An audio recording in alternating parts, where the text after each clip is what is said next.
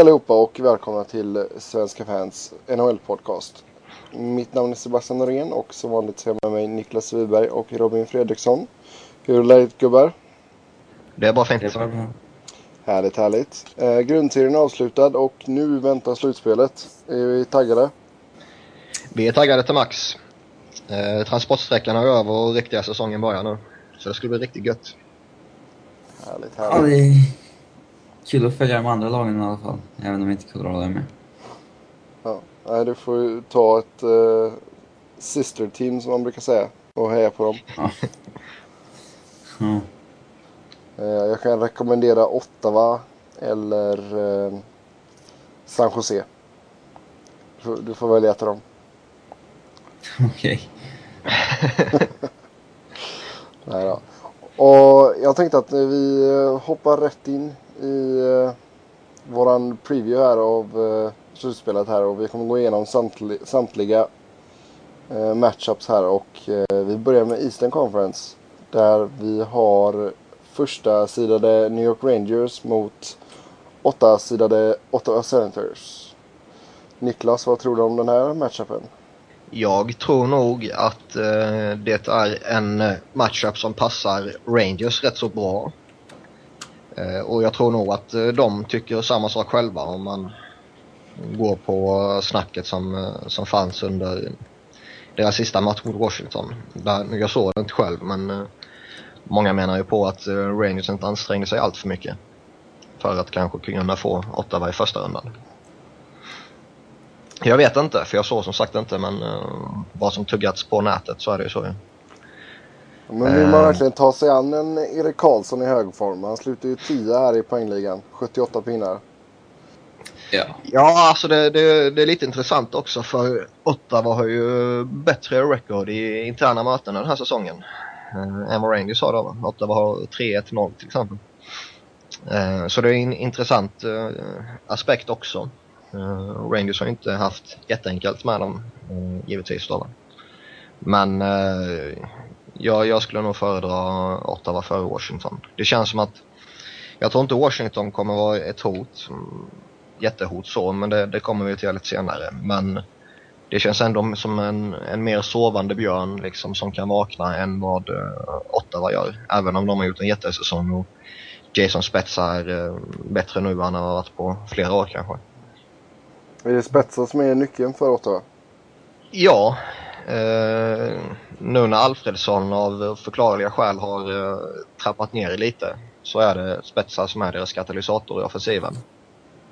Jag menar en fjärdeplats i poängligan på 84 poäng är riktigt bra. Eh, framförallt i ett lag som eh, Visst, de gör mycket mål men de känns inte liksom det här pålitliga laget heller på något sätt. Eh, Så han har ju burit dem utan tvekan. Sen kommer ju målvaktsspelet vara avgörande också. Robin, vad har du för tankar om eh, Rangers? Alltså jag tror nog att Rangers bör ta det här med kanske 4-1 i matcher eller någonting. Um, det finns inte så många hot i Ottawa. De har spetsar, Erik Karlsson. Som tar man bort, lyckas man plocka bort dem så då kommer nog inte Michalek producera så mycket heller, till exempel. Uh, frågetecknet är väl lite vem som ska stå i Ottawa. Om det blir Craig Anderson eller Ben Bishop. Mm. Överlägset bäst räddningsprocent i deras lag har ju Robin Lehner, men han verkar de ju inte våga satsa på riktigt. Det kan bli avgörande i alla fall. Vem, vem ska vara den stora bärande spelaren i Rangers offensivt sett? Blir det Gaurik? Gabrick kommer säkert göra sitt. Ehm, som vi nämnde förra veckan tror jag ju Brad Richards kommer bli otroligt viktig för Rangers om de ska kunna utmana i det långa loppet. Ehm, han behöver hitta en bättre form än han har visat den här säsongen. Han har inte varit dålig, men han har inte varit den på den nivån som man förväntar sig att en spelare av hans klass med hans kontrakt ska vara på. Ehm, vi vet att han tidigare har levererat riktigt bra i slutspelet. Och han behöver göra det igen. De har ju många spelare som kan leverera också. Magabarik, Richards, Callahan, Stefan. Sen har de ju såna här många spelare som är tillräckligt bra för att snappa upp sig rejält i ett slutspel och kanske producera någon poäng per match där också. Som Dubinski eller Anisimov och Hagelin vet man ju inte riktigt vad man har. Ja, det blir spännande. Men eh, det verkar ändå så som att vi eh, är överens om att det är Rangers som kommer att gå vidare. Ja, alltså um, som jag ser det så är de så mycket bättre på framförallt målvaktssidan och forwardsidan. Så det, det kommer falla avgörandet. Däremot har man en liten intressant eh, duell i, mellan Rangers penalty killing och Ottawas powerplay. Eh, Ottawas powerplay är väl inte eh, överjävligt bra. De ligger på 18,2 men eh, Rangers penalty killing är riktigt bra ju. Och eh, den som lyckas vinna den matchen i matchen om man säger så kommer väl ha goda förutsättningar för att också vinna matchserien. Ja, absolut. Det... Men det är ju som vanligt i alla matchserier. Ja, alltså det, det blir väl... Oftast blir det extra täta matcher i slutspelet och då spelar det ju ännu större roll hur man lyckas göra i de två situationerna. Mm. Mm. Om vi går vidare till nästa kvartsfinal då så uh, har vi andra sidan Boston Bruins, regerande mästare, mot uh, Washington Capitals som knep sjundeplatsen. Vad har vi för tankar om, eh, om den här serien? Alltså det är lite skrällvarning kanske för att Boston, de känns väldigt trötta, slitna liksom. Och Washington kanske gillar läget lite av att komma in och kanske inte har det här jättefavorittrycket på sig för en gångs skull. Um, de har en boost, de fick precis tillbaka Bäckström och Boston har lite osäkerhet lag på målvaktssidan och sånt där. Ja, det, det, vi är inte riktigt vana vid att se Washington som en underdog ändå Niklas, eller vad säger du? Nej, de har ju alltid gått in i, i slutspelet i princip med ett favoritskap på sig efter uh, mäktiga grundserier. Uh, nu har de haft diverse problem den här säsongen som de flesta känner till givetvis ju. Men uh, jag är väl också lite inne på Robins linje att det är mycket möjligt att det blir en skräll här. Om man nu ser det som en skräll att Washington vinner en matchserie. Mm. Uh, men sett till sidningen så är det väl det. Boston är väl Visst, de är bevisade vinnare och det känns som ett lag som kommer höja sig nu när slutspelet kickar igång. Men um, de ser också lite, som, som Robin var inne på, lite trötta på något sätt. Både Boston och Vancouver som, som var i final förra året ser lite, lite tveksamma ut i den aspekten tycker jag. Eh, sen kommer de sannolikt inte få tillbaka Nathan Horton eh, i början på slutspelet på grund av hans eh, nya hjärnskakningsproblem. Eh, det är också eh, en jobbig frånvaro för dem. Washington har ju också enorma problem med, med målvakterna. Där både Mikael Neuwirth och Thomas Foucault dras med lite skador. Så det kan mycket väl bli Braden Holtby som får vakta kassen. Och det känns väl som att med Holtby kan lite vad som helst hända. Mm. Ja, han är inte riktigt, det lilla jag har sett av honom har inte direkt övertygat. Nej, men samtidigt kan han verkligen blixtra till också. Så det, det beror på lite hur, vilken, vilken Holtby det är man ser. Annars är det Chara som ska ta hand om Ovechkin. Det blir väl Chara och Patrice Bergeron som kommer få uppgiften att stänga Ovechkins, eh, eller Ovechkin och hans kedja om man säger så. Eh, och det har de ju... Han, han kommer nog få väldigt uh, få spelare mot sig, Ovechkin, som är bättre på just det än de två. Mm. Visst, eh, Chara har inte skridskoåkning för att kunna hänga med Ovechkin eller egentligen någon annan när de sätter fart om de får yta och, och möjlighet till det.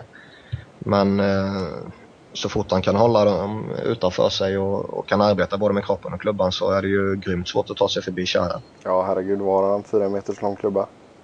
Ja, typ. Ja. Ja, nej men det är, det är väl ändå så Ovechkins kedja som ska vara det största hotet eller vad man ska säga. Ja, alltså han har ju haft en, med hans mått mätt, väldigt medioker säsong.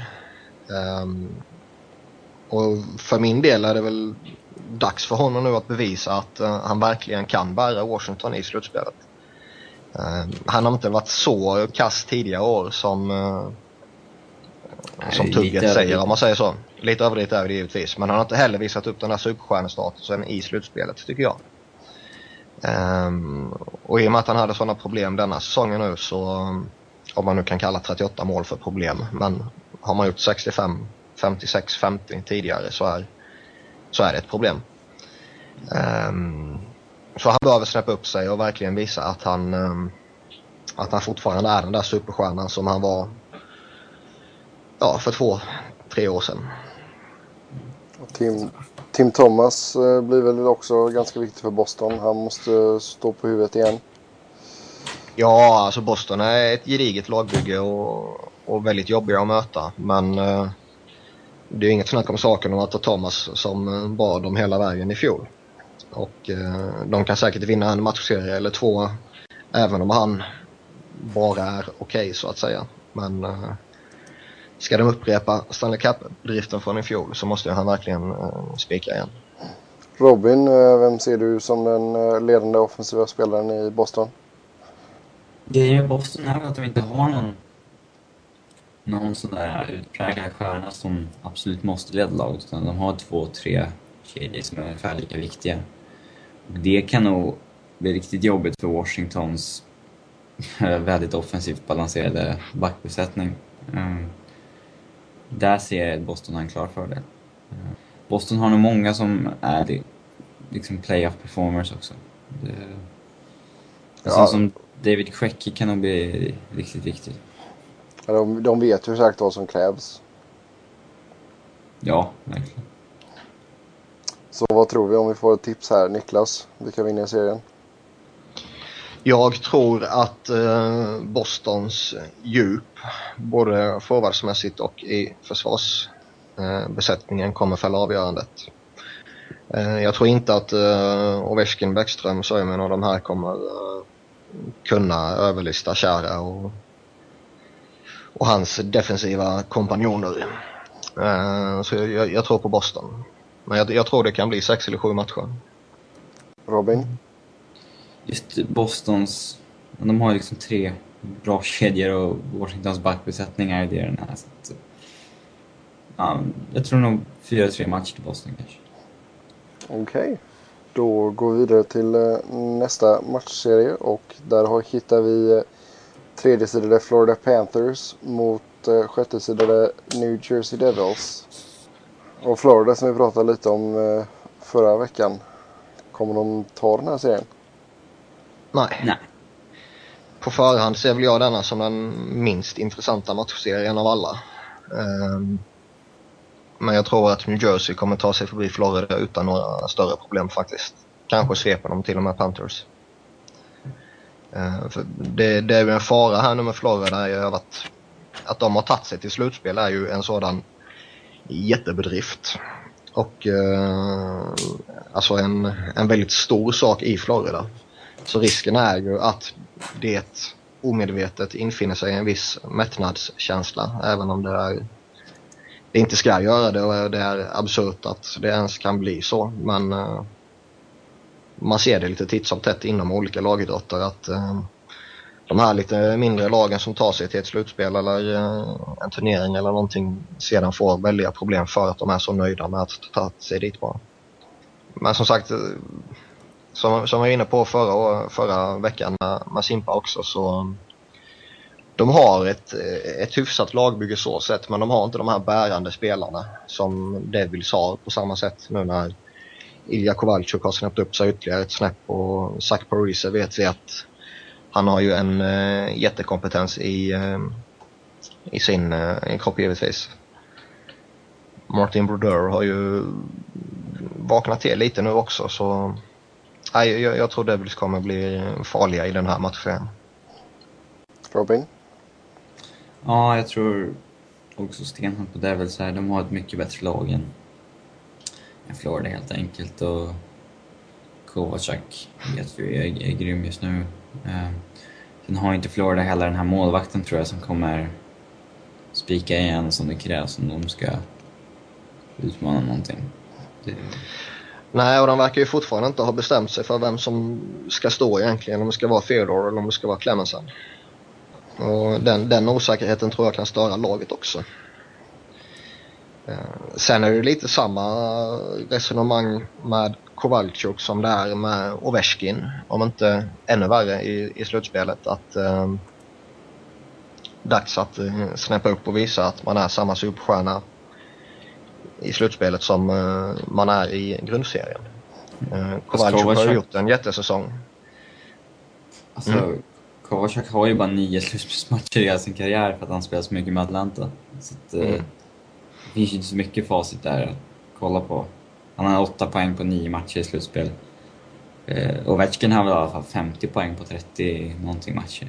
Han är faktiskt rätt bra slutspel poängmässigt. Men eh, Kowalczyk, det är väl snarare så att han är oprövad i slutspelssammanhang än att han måste leverera så. Eh, alltså, visst är han oprövad men eh, ska han fortsätta ha samma rykte så... Eh, alltså han är ändå en så pass etablerad spelare nu så att uh, skylla på orutin uh, även om han har väldigt få slutspelsmatcher håller inte. Det är mitt sätt att se på det och uh, han behöver kliva fram och verkligen bära Devils nu om han ska ha kvar det ryktet också. Annars kommer han som flera andra spelare titt som tätt nu de närmaste åren nämnas som en spelare som underpresterar i slutspelet. Mm. Ja, absolut. Vi får hoppas att Florida vinner en match i alla fall. Ja, jag ser givetvis gärna att eh, New Jersey åker ut. Men eh, jag tror inte de kommer göra det. Nej, vi får se, vi får se. De, eh, de börjar ju sin matchserie på fredag den 13 också. Så, mm. Det blir spännande. För alla oss som är vidskepliga. Om vi rör oss vidare då till den sista matchserien i Eastern Conference så har vi eh, fjärdesidade Pittsburgh Penguins mot femtesidade Philadelphia Flyers. Eh, Niklas, hur nöjd är du med att ni fick Pittsburgh i första rundan? Alltså Pittsburgh eh, sa jag om det var förra eller förra, förra veckan att de, de tror jag går till final. Och de har ju definitivt kapaciteten för det. Eh, nu när de offensivt klickar på alla cylindrar och kan de bara snäppa upp defensiven så så kommer de givetvis bli ett, ett jättehot i det här slutspelet. Eh, samma resonemang tycker jag dock är med Philadelphia. Nu är jag givetvis lite färgad men den här matchserien känns väl kanske som den på förhand hetaste. Framförallt med tanke på vad vi såg förra veckan när uh, det blev så hett mellan lagen. Mm, jo, vi kan nog få se ett par riktigt goda fighter faktiskt tror jag.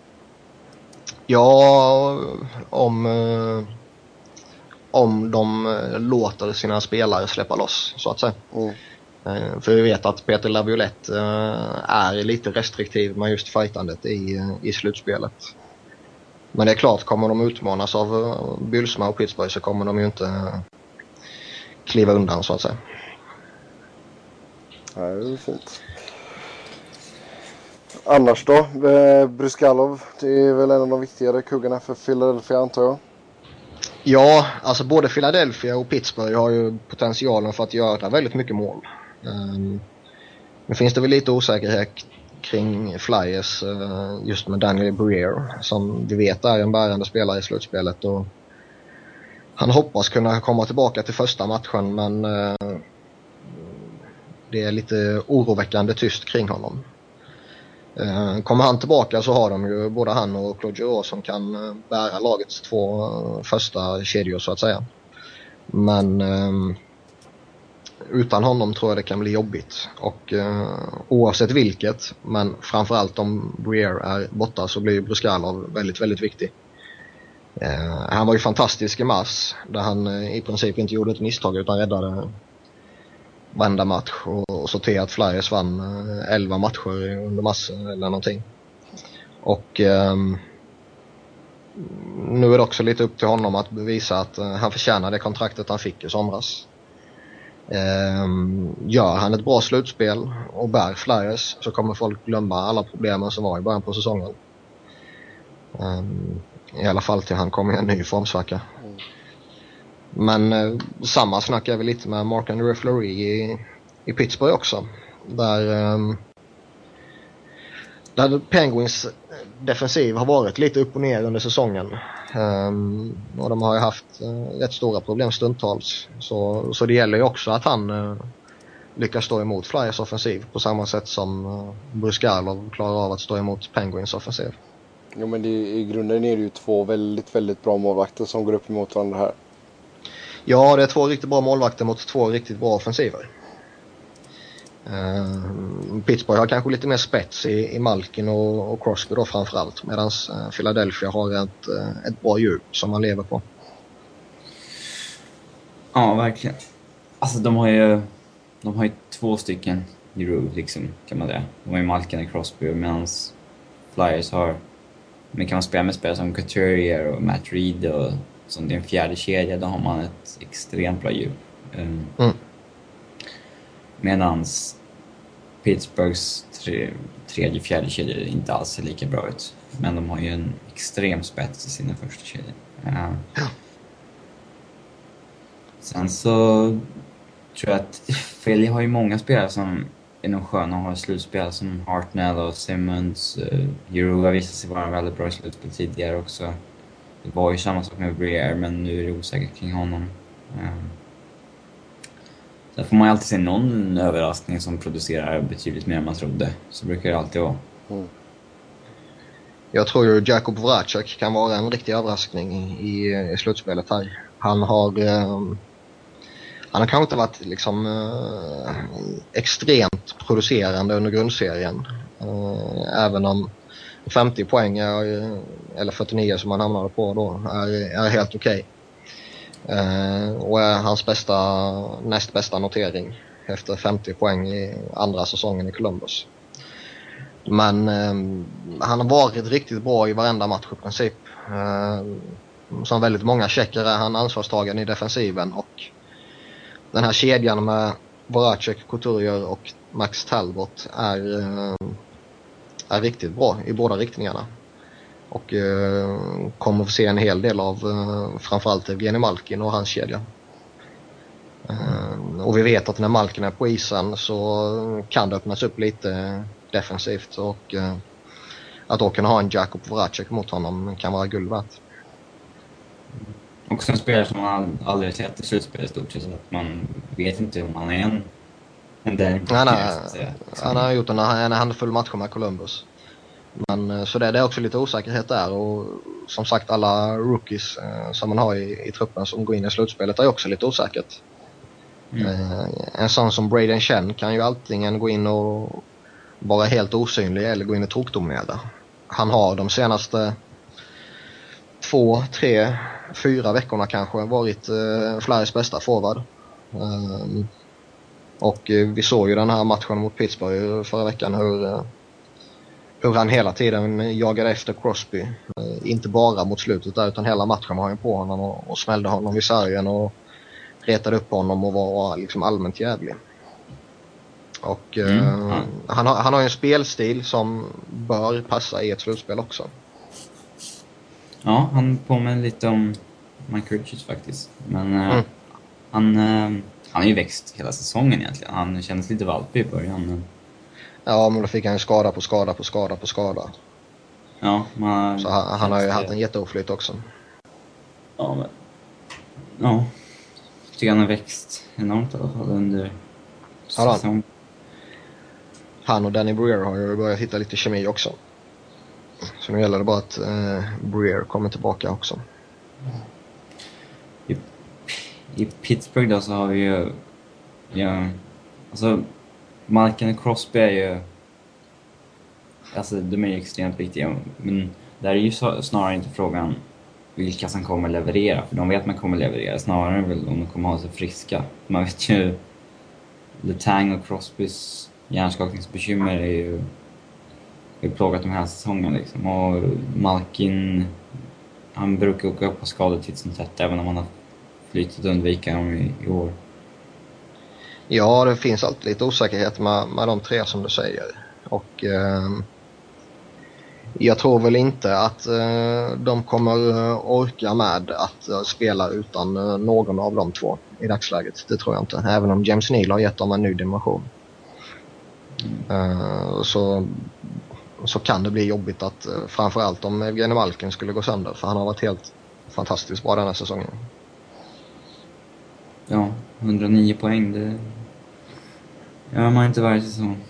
Nej, Annars, vilka an- andra spelare i Pittsburgh tror vi behöver eh, ta ett snäpp uppåt? Stål kanske? Ja, alltså han uh, snäppa upp sig vet jag inte om är rätt uh, Nej, uttryck okej. för honom. För han, han har gjort en riktigt bra fort- säsong. fortsätta att leverera då. Eh, Ja. Eh, fortsätta ligga på den höga nivån som han har gjort och um, framförallt eh, i, i defensiven. Där han kommer få ett stort ansvar givetvis. Men också lite i produktionen för um, man glömmer ju oftast Ståhl när man pratar Pittsburgh i och med att de har Crosby och Malkin och, och nu när eh, Neil har exploderat som han har gjort också. Men eh, Ståhl när han kommer farande så är han, han är tung och han är jobbig att stoppa och alltså, han är inte dålig med puck heller. Så det, och han, givetvis får han ju också ett utrymme som, som man inte skulle få om han skulle varit i ett annat lag i och med att så mycket fokus hamnar på just Malkin och Crosby. Så han, han kommer bli väldigt viktig för Pittsburgh både offensivt och, och defensivt. Framförallt det sistnämnda. Ja, så vad tror vi? Får vi några tips här, Robin? Alltså, jag, jag sa ju att Philadelphia ska gå till final så att jag får väl stå fast vid det. Ja, och, och jag sa ju förra veckan att Pittsburgh kommer, kommer lira final, eller om det var förra, förra veckan, det minns jag inte. Ehm, jag kommer givetvis aldrig tippa emot mitt Philadelphia, men ehm, jag kan säga så här, jag, jag är rätt övertygad om att det kommer gå till sju matcher. Uh, och jag är rätt övertygad om att det kommer vara en, en serie som sliter väldigt, väldigt hårt på väldigt många spelare.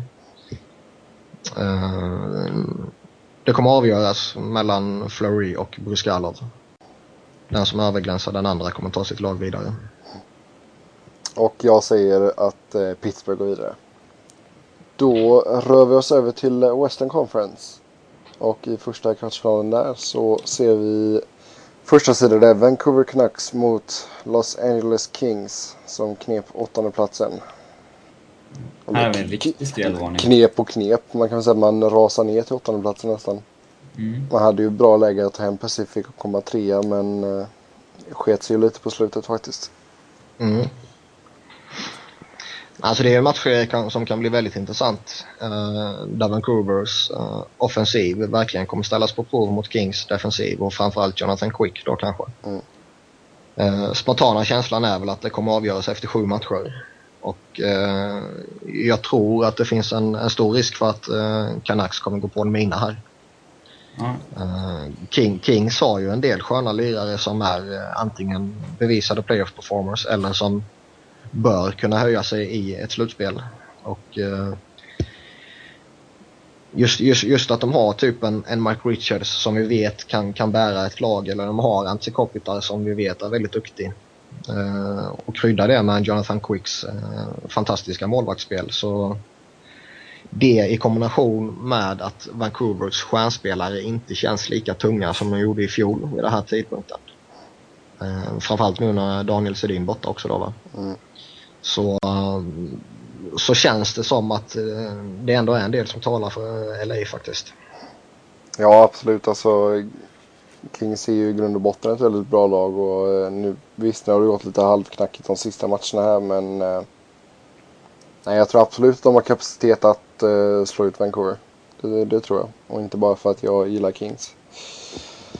Utan tittar man på laget så finns det en hel del matchvinnare. Och eh, som du säger där liksom ena Sedin-tvilingen är borta. Det gör nog väldigt mycket. Faktiskt. Mm.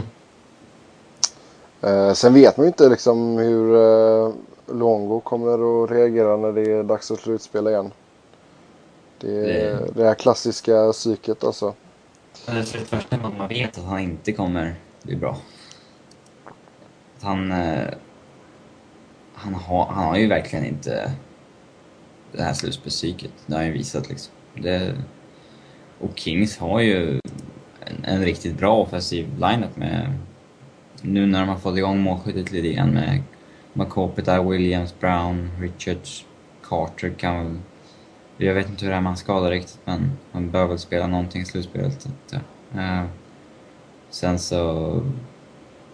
Ja, alltså man, man har många spelare som kan leverera offensivt. Och uh, Vancouver, likt Boston, känns ju ganska slitna och trötta. Eh, och har osäkerhet kring målvaktspositionen.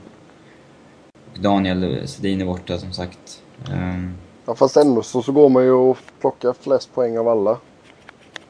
Ja, mm, jag, jag, tror, jag tror de har ett bättre djup i fjol, eller i år, än vad de har i fjol. Uh, I fjol var det lite mer deras bärande uh, stjärnor som, som lyfte fram dem. Nu känns det som att djupet är lite mer pålitligt på något sätt. Uh, David Booth har kommit igång lite.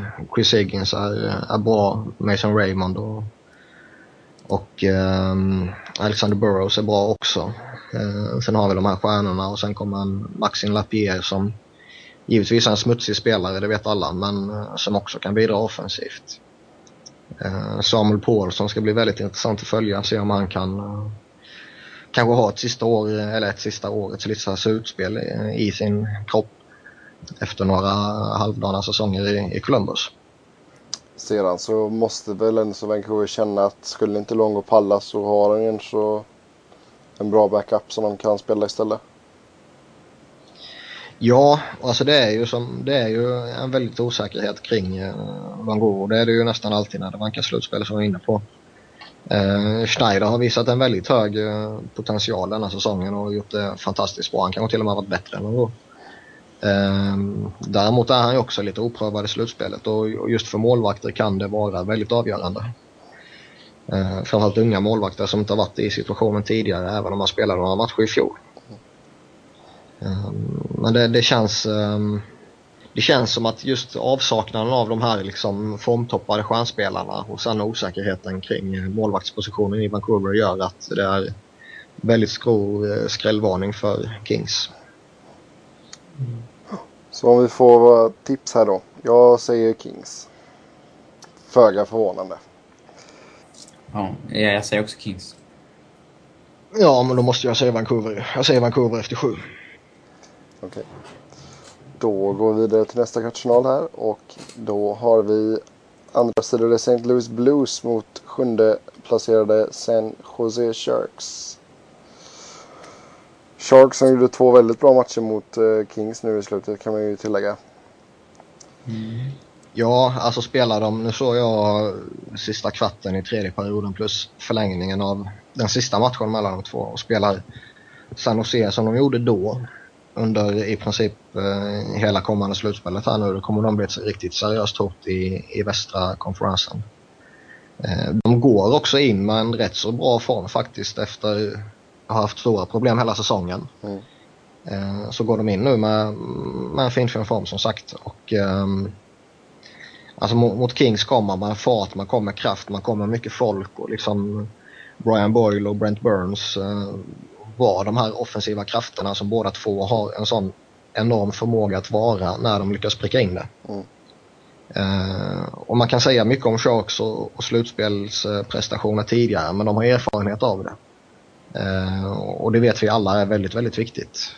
Det kan man inte säga om St. Louis. De har några spelare som har varit med väldigt länge i Jamie Langbrunner och Arnott och McTdonald Donald och lite sådär va. Men um, Alltså vä väldigt många har i princip noll slutspelserfarenhet. Det är någon enstaka matchserie här och där liksom. Um, Jaroslav Halak får vi inte glömma givetvis, han har en bra slutspelserfarenhet mm. också. Men just alltså hela laget känns som väldigt orutinerat i det här sammanhanget. Och um, som vi har pratat om tidigare veckor så tror jag inte att Blues kommer, uh, kommer vara samma kraft i slutspelet som de var i, i grundserien. Just på grund av den här bristande erfarenheten. Men om Elliot och Halak fortsätter att spela så bra som de har gjort under säsongen så borde man väl ändå kunna ta sig förbi San Jose. Ja, alltså det ska bli väldigt intressant att se just uh, Blues eh, defensiv där Hitchcock har gjort ett, eh, ett jättejobb givetvis och där hela laget verkligen spelar för sina två målvakter oavsett vem det är som står i kassan. Eh, och se den defensiven ställas mot Sharks i alla fall på pappret riktigt bra offensiv. Eh, det ska bli väldigt spännande. Kanske är det så att nu när Sharks äntligen har, har kommit in i slutspelet så släpper all pressen och allt, eh, all kritik som de har haft mot sig bara rinner av dem så de verkligen exploderar nu. Och jag menar de har ju Marleux, Clough, Thornton, Coacher, eh, Pavelski, Havlat som om han är frisk är en väldigt duktig spelare. Och sen har de lite hyfsat djup också faktiskt med Dominic Moore och Winnink och Gagliardi framförallt Galliard tycker jag är riktigt bra. Han har um, petat rätt mycket faktiskt. De verkar mm. inte gilla honom det. Nej, jag märkte också. Men jag, jag tyckte han, det jag såg honom av i, i Colorado tyckte jag det var en riktigt bra spelare. Mm. Men det är, väl lite, det är väl lite samma situation för San Jose som det är för eh, Washington där va? ja, lite så. Det känns lite som en sovande björn som verkligen kan explodera. Ehm, många sa ju inför säsongen att detta var Sharks eh, säsong. Det var nu de skulle gå hela vägen. Eh, de har inte visat mycket av det under grundserien förutom här mot slutet nu. Men eh, nu är de i en riktigt bra form som sagt. Däremot finns det ju en väldigt osäkerhet eh, på målvaktspositionen där också. Där Antiniemi har varit väldigt, väldigt ojämn.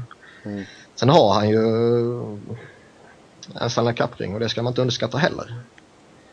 Eh, De har en eh, helt okej backup också numera i, i Thomas Greis som kom in mot Kings här och gjorde det riktigt bra. Ja, nej men alltså just med Niemi där, alltså det är ju som du säger väldigt, väldigt ojämn. Alltså eh, ibland så är det liksom lights out och han är hur bra som helst. Och sen andra matcher så är ju läcker han ju som ett såll. Så det, Ja, nej alltså det... det, så jag vet inte, på förhand så skulle jag väl ändå så hellre ha Elliot och Halak än uh, Niemi och Grice. Mm. Ja, skulle jag. Det, men det är en väldigt svårtippad eh, runda tycker jag. Man, San Jose kan explodera alltså, och de har ändå tre spelare som har gjort över 30 mål i år även fast de har varit dåliga liksom. Och St. Louis är som sagt oerfarna i slutspelssammanhang. Eh, Det, kan- det kan verkligen gå hur som helst känns som. Ja, så eh, våra tips. Jag säger att eh, Elliot och Halak fixar biffen och tar St. Louis vidare. Jag säger Sharks efter sex eller sju matcher. Nej, jag säger St. Louis. Okej. Känner att jag och Robin har mycket samma här. eh, om vi rör oss vidare då så har vi eh, tredjesidade Phoenix Coyotes mot sjättesidade Chicago Blackhawks. En, eh, som jag tror kommer bli väldigt spännande serie faktiskt. Ja, Eh, Ph- Phoenix har ju gjort ett jäkla jobb här nu som eh, tagit hem Pacific Division för första gången i eh, franchisens historia. Och eh, man har en Mike Smith som är glödhet i målet. Och det känns väl eh, som att han tillsammans med Ray Whitney, Shane Doan och Radim Verbata är de absolut viktigaste spelarna för Phoenix. Ja, alltså Phoen- Phoenix är ju lite som St. Louis som spelar ett spel som verkligen gynnar målvakten och där, där alla verkligen ställer upp för sin målvakt. Uh, och sen har de några spelare som kan explodera offensivt som de du nämnde här då. Uh, jag tror inte det kommer räcka över sju matcher mot Chicago. Uh, däremot kan de säkerligen ställa till problem i rejäla problem till och med i någon match här och där. Men jag, jag tror att jag tror inte att Phoenix lyckas vinna fyra matcher mot Chicago. Om man säger så. Eh, inte med den offensiva firepowern som Blackhawks kan, kan sätta på isen. Sen är det intressant också med Jonathan Toews här också. Han, han verkar ju inte eh, i dagsläget i alla fall vara aktuell för comeback i första matchen. Eh, och jag tror att Chicago kommer klara av Phoenix eh, även utan honom. Däremot tror jag att för andra rundan till exempel så kan det nog vara väldigt viktigt att Toews kommer tillbaka redan mot Phoenix så att han kan få en, eh, en handfull matcher här eh, och hitta formen igen så han inte behöver slängas in direkt i en, i en andra runda mot eh, ett ännu bättre motstånd. Mm, Ja, alltså Chicago. De har ju bra offensiv. Det, det, det vet vi ju. Och det, det enda som jag är lite orolig för där det är väl faktiskt målvaktssituationen faktiskt. Ja, så är det givetvis. Um, mycket av Chicagos målvaktsspel kommer ju hänga på hur Duncan Keith, Brent Seabrook, Johnny Odoja, Niklas Hjalmarsson och, och kanske Steve Montador också. Hur de kommer agera i defensiven. Um, kan Keith och Seabrook framförallt hitta samma form som när Chicago vann Stanley Cup eh, 2010 så så bör man uh, i alla fall kunna ta sig en bra bit i slutspelet med en Corey Crawford. Uh, om de två får lite problem som de har haft under säsongen Ehm, så kommer det bli jobbigt. Det, de har spelat enormt mycket hela säsongen och, och, risken är att de blir lite slutkörda här i slutspelet. Nu har ju i och för sig Keith fått lite vila här i och med att han varit avstängd. Eh, vilket jag tror faktiskt kan ha gynnat honom. Han kom in fullt fräckt i slutspelet och inte behöver kriga in i, i det sista. Eh, så det, det, tror jag talar väldigt mycket för just Keith. Robin, vad har du för tankar om Chicago? Nej, jag tror att de tar Phoenix kanske fem eller sex matcher. Även fast Taves är borta och att Smith är storspelare just nu så de är ett mycket bättre lag i grunden. Så de, just det djupet de har på forwardsidan med Hossa, Sharp, Kane och alltså, Peter Rune Ståhlberg med dem så levererar han också. Liksom. Och de har ett grymt första backpar också och en någorlunda stabil backbesättning bakom. Enda frågetecknet är väl egentligen för Crawford. Eh, men Phoenix, det bör inte bli något problem tycker jag. Även fast de inte har hemmafördelade sådär. De, de bör ta det efter fem matcher kanske. Okej, okay, jag kommer säga tvärt emot er och säga att Phoenix kommer ta detta.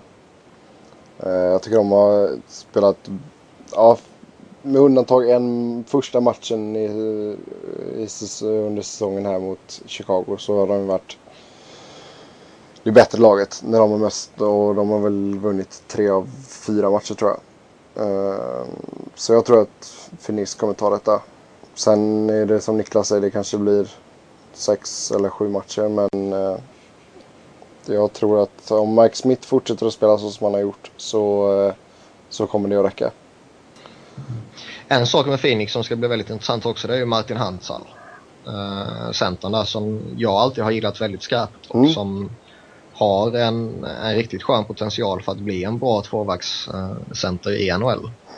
Han har väl inte kanske varit riktigt uh, så offensivt stark som jag kanske trodde han skulle bli den här säsongen. Men vad säger du om honom? Nej, det är som du säger. Det är mycket potential i killen alltså. Det är, jag gillar honom skarpt också. Lite förvånad att man inte bara ställer honom framför kassen lite mer. För han är ju enormt stor alltså. Ja, han är stor som ett hus ja. Ja, så det är bara att ställa honom framför mål så får de skjuta via honom och in liksom. Det, men i defensiven har han varit jävligt bra. Så det, jag vet inte, det har väl blivit lite mer att man har litat mer på, eh, på Doan och Whitney och Verbata att producera framåt. Så har Hansson mer skött i defensiva. Han har fått en liten annan roll nu eller? Ja. Eh, det har blivit lite mer så i och med att man har det har gått mycket genom liksom Lanco och sådana spelare. Och även Vermette nu då sen han kom in. Mm. Så han, det har blivit mer eh, att han har fått spela i en check-in line då. Men eh, nej, nej, potentialen finns där absolut. Och det är det som jag säger, fan ställa bara framför mål liksom. Det... Mm, nej, för det, känns också som en spelartyp som eh, bör kunna bli väldigt lyckosam i slutspelshockeyn. Mm. Jo, så, alltså det enda eh, som man är lite orolig för här från Phoenix sida det är ju att powerplayet är ju riktigt dåligt. Man hade väl någon match här nu när man gjorde fyra powerplaymål men alltså sett över hela säsongen så har det ju varit katastrofalt dåligt. Mm. Nu får vi glada över att Chicago ser lika dåligt nästan. Ja, så det är som den här matchen i matchen som vi snackade om innan då. Alltså det, det kan bli väldigt viktigt det laget som, som får igång sitt powerplay då. Mm. Men eh, nej, jag är hoppfull faktiskt om eh, Phoenix chanser Om eh, vi rör oss vidare då till den sista kvartsfinalen i Western Conference så har vi fjärdesidade Nashville Predators mot femtesidade Detroit Red Wings. Den här matchen har ändå varit ganska klar hyfsat länge. De har ju bytt plats eh, lite titt som tätt här men jag har väl vetat ganska länge att det skulle vara de här två som skulle mötas. Ja, det känns ju som en eh, väldigt spännande matchserie. Det känns som en eh, väldigt, väldigt öppen matchserie också. Där eh, sannolikt kommer det gå till sju matcher och eh, där kan det gå precis hur som helst känns det väl. Eh, jag tror att eh, rutinen hos Detroits veteraner kommer väga över. Men eh, Nashville har ju definitivt potentialen för att ställa till stora problem. Ehm, framförallt är de ju defensivt väldigt starka och sen kan de krydda det med ligans bästa powerplay. Ehm, och liksom så länge man har Shea Weber, Ryan Suder och Hal Gill och Pekarinne i, i storform, i storform så kommer Detroit inte få några gratismål om man säger så. Utan det vill till att eh, Henrik Zetterberg och Pavel Datsjuk och Johan Fransén som vi vet kan vara en riktig playoff performer kliver fram och eh, tillsammans med då kanske Niklas Lidström eh, längst bak verkligen bär fram Detroits offensiv. För att kunna spräcka defensiven i, hos Nashville som är om inte en av eh, ja i alla fall en av ligans bästa defensiver. Mm. Robin, vad tror du? Nashville?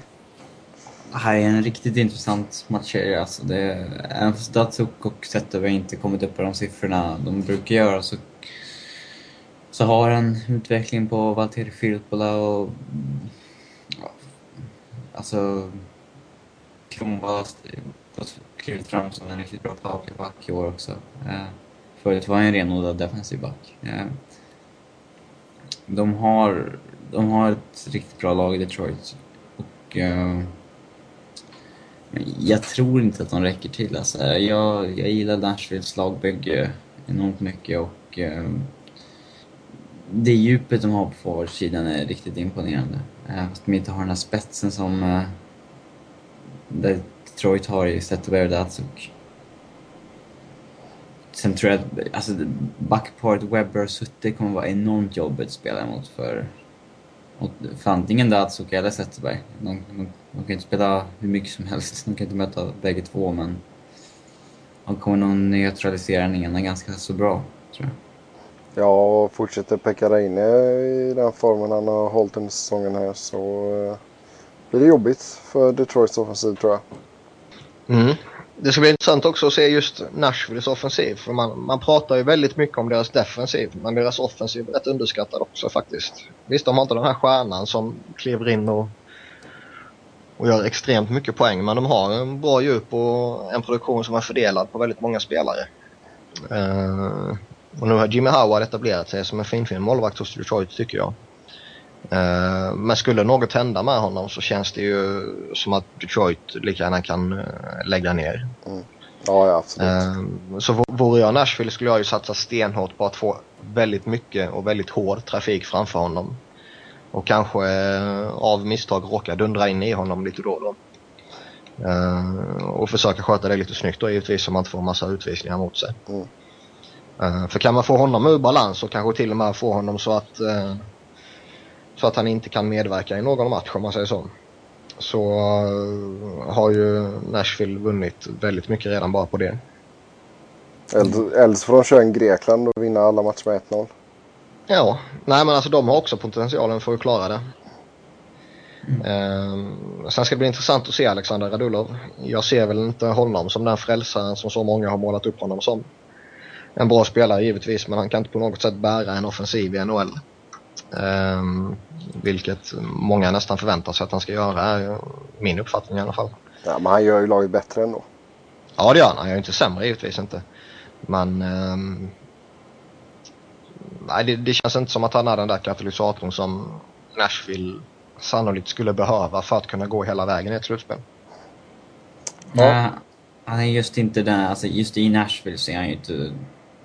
Hade man slängt in honom bredvid en grym center i skulle han gått in i till exempel Detroit med Datsuk eller med Zetterberg, då hade han ju säkert exploderat extremt. Men eh, nu får han spela med en Mike Fisher eller något sådär. Det, det blir inte riktigt samma sak. Eh, men eh, det ska också bli intressant att se Patrik Hörnqvist. Han landar ändå på 27 mål och har varit eh, riktigt bra hela säsongen. Han eh, känns som en sån som kan bli också en, en riktigt skön kille att ha ett slutspel. Mm. Ja, tips. Robin? 4-3 Nashville. Niklas? 4-3 Detroit. 4-3 Nashville. Jag och Robin fortsätter att säga samma saker här. Ja, det verkar så. Ja. Nej, men jag, det var som, eh, som Robin sa innan också. Jag gillar också Nashvilles lagbygge. Alltså jag, jag tror med den defensiva kraften, alltså det, det räcker. Gör de ett mål framåt så, så, så, kan, så har de ju kapaciteten att bara spika igen liksom. Så det, men det, det blir nog många täta matcher här faktiskt. Det, vi kan nog säkert få se någon sån uh, skön match som går till uh, flera övertidsperioder. Mm. Vi ska tillägga det också att nyckeln för att Detroit överhuvudtaget ska kunna göra någonting är ju att deras powerplay vaknar till. Mm. Uh, 16,1 procent av sett över hela grundserien är alldeles, alldeles, alldeles för dåligt för uh, ett lag med Detroits uh, kapacitet. Mm. Ja, absolut. Ja, då har vi eh, betat av kvartsfinalerna.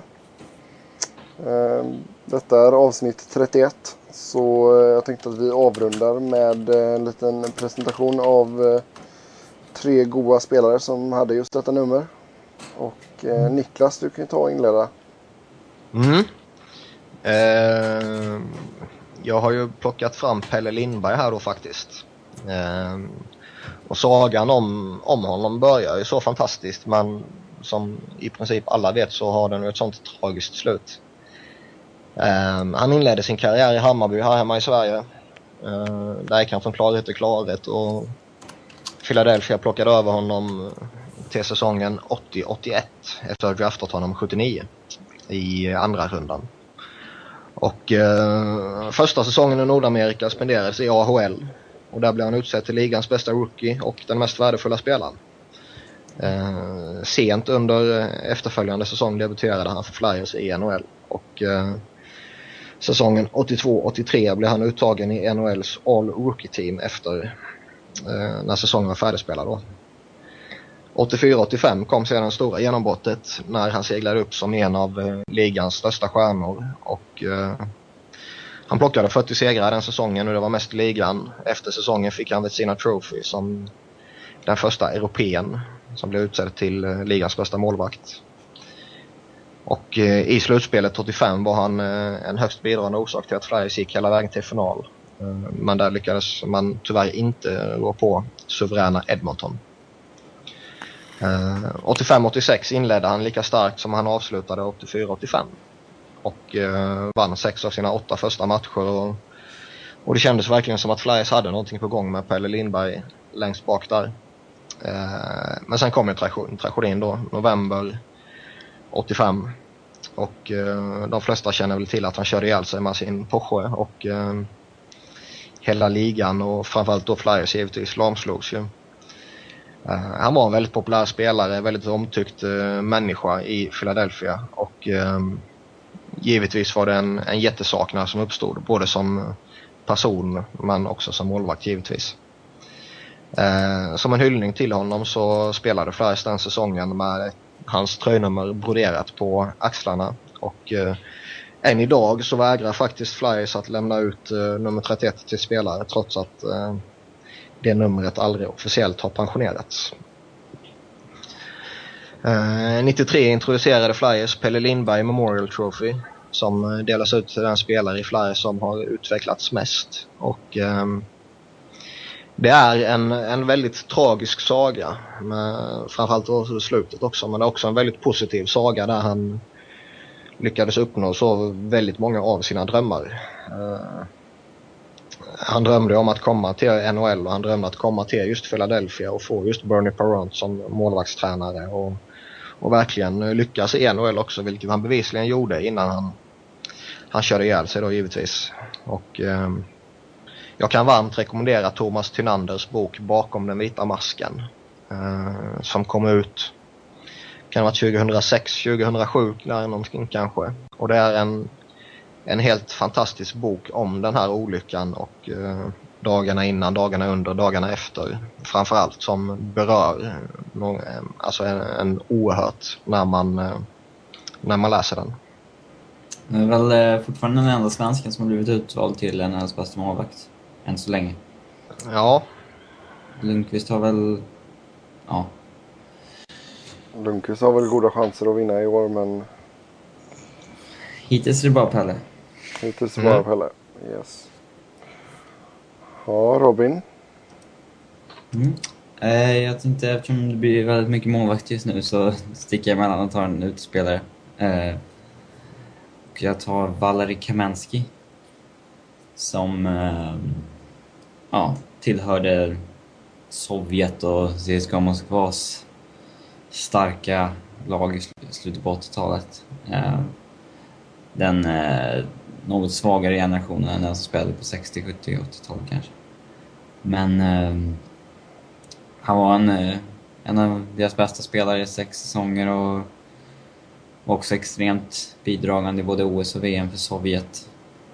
Sen blev det då tillåtet för ryssarna att sticka över och spela i NHL. Och många av dem var ju redan draftade. Eh, de hade draftat sent i sjunde, åttonde rundor för att eh, ja, vissa NHL-klubbar chansade om att de kanske skulle kunna plocka över dem någon dag. Och Quebec hade tagit Kaminski i en sjunde runda. Så eh, de fick över honom dit och där spelade han med tre säsonger. Um, eller ja, fyra säsonger blev det ja. Sen flyttade laget till Colorado och där eh, gjorde han sin bästa säsong direkt. Med 85 poäng och sen 22 poäng på 22 matcher i slutspelet när Colorado tog hem Stanley Cup. Det blev ytterligare tre säsonger i Colorado där han fortsättningsvis var en väldigt bidragande spelare. Han gjorde över 60 poäng. Eh, innan han hamnade i Rangers två säsonger. Sen ett halvår i Dallas, ett halvår i New Jersey. Innan han la av 2002. Eh, sen gjorde han comeback i Ryssland igen. Spelade i ja, Chimik, Voskrensk, tror jag det uttalas. Två säsonger. Eh, innan han la av igen då som 39-åring. Och eh, det, en, det var en väldigt cool spelare vill jag minnas. Man, man gillade att spela med honom på NHL-spelen när man var liten. Ja, det är en skön lirare som man minns från uh, mitten, slutet 90-talet där. Där han, uh, han hade ju en jättehög kapacitet vill jag minnas. Mm. En skön spelare. Mm. Också en att få in eh, som är medlemmar i Triple Gold Club med Stanley Cup, VM-guld och OS-guld. Mm. Ja, då går vi vidare till eh, min spelare här och eh, det blir en målvakt. Eh, jag är ledsen, men eh, så är det nu när vi är uppe på 30, runt 30-strecket här. Eh, Curtis Joseph. Eh, nickname Cujo. En, eh, en helt okej målvakt får man ändå säga. Eh, han eh, skrapade ihop 454 eh, vinster under sin karriär. Och eh, är väl en av de bättre målvakterna som inte har vunnit en Stanley Cup. Han inledde karriären i eh, St. Louis Blues 89-90. Och eh, stannade där till säsongen 95-96 då det bar vidare till Edmonton sedan efter ett par år i Edmonton så eh, gick han i slutet av 90-talet till Toronto Maple Leafs. Så det är väl där som jag mest kommer ihåg honom. Ehm, han var en eh, riktigt bra målvakt faktiskt. Och eh, under sin tid där så skrapade han ihop man kan säga bästa säsongen i Toronto var 99-00. Då hade han 36 vinster på 63 matcher. Han låg där runt 30, 30 vinster ganska ofta. Eh, oftast ett par matcher över 30 vinster. Eh, efter tiden i Toronto så eh, gick han till Detroit. Eh, om hopp om att vinna en Stanley Cup. Men eh, det ville sig inte riktigt. Och efter eh, två säsonger i eh, Detroit så eh, gick han till Phoenix efter lockouten. Där han gjorde två säsonger innan det blev eh, eh, en, nio matcher för Calgary 07-08. Innan han eh, gick tillbaka till Toronto 08-09 och eh, spelade 21 matcher. Tog bara fem vinster dock. Men eh, nej, en, en, bra målvakt. Han, eh, man kände ju lätt igen honom för han hade ju alltid en eh, arg hund eller varg eller någonting på sin målvaktsmask. Så det är oavsett vad han spelar. Det var väl bara när han spelade för Kanada som han inte hade den här arga hunden på masken. Även när han var nere en sväng i eh, Las Vegas Thunder i IHL 95-96 så hade han en, eh, En arg hund.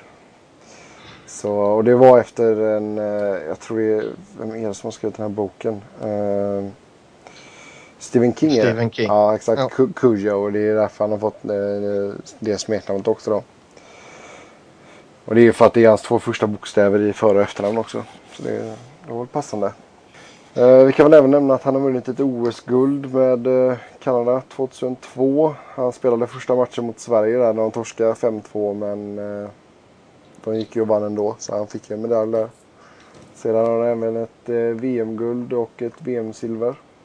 Är det inte så att han har eh, mest förluster genom tiderna också? Det har han. Jag har för mig, för mig det var han va? tänkte vara snäll och inte säga det men eh, Nej, det är klart vi inte ska vara snälla. nej okej då. Eh, ja, han har över 350 eh, förluster.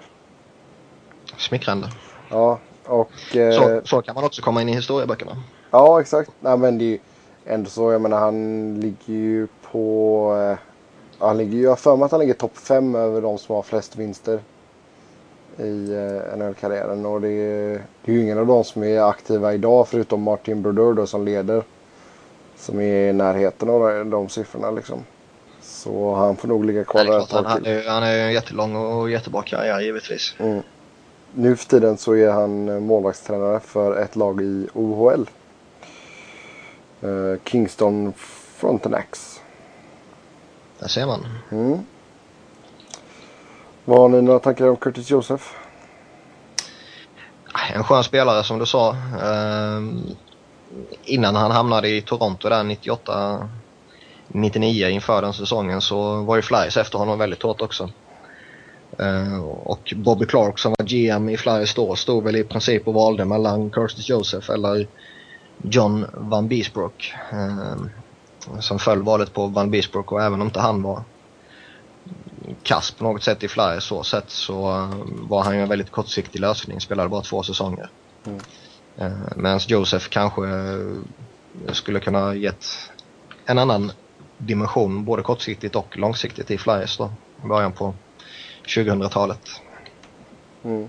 Nej, alltså det är ju en bra målvakt. Jag menar, två, två gånger kommer man ju upp i 36 vinster och speciellt under tiden i Toronto så tycker jag han var väldigt bra. Mm, ja då. Sen, eh, sen är det ju som sagt, det är väl en av de bättre målvakterna som inte har vunnit en Stanley Cup. Fast han har vunnit slutspelsmatcher med, eh, ja är det, fem olika lag eller någonting. Tror han är själv om det. Mm. Så det är, ja. En, eh, en skön lirare som hade nummer 31 Oh helt enkelt. Oh, ja. Ja, då eh, är vi klara för den här veckan. Eh, slutspelet börjar den 11. Då eh, Red Wings och Nashville möts. Kings och Vancouver möts. Och eh, Philadelphia och Pittsburgh möts. Så är det. Sedan är det väl nästan hockey varenda dag. Ja. Ja, Härligt. underbart. Men eh, ni får ha en jättebra hockeyvecka tills eh, nästa gång vi hörs. Då vi kommer ha en hel del att prata om i och med att vi kommer vara eh, full rulle i slutspelet här då. Oh, ja. Så ha det gött så länge så hörs vi.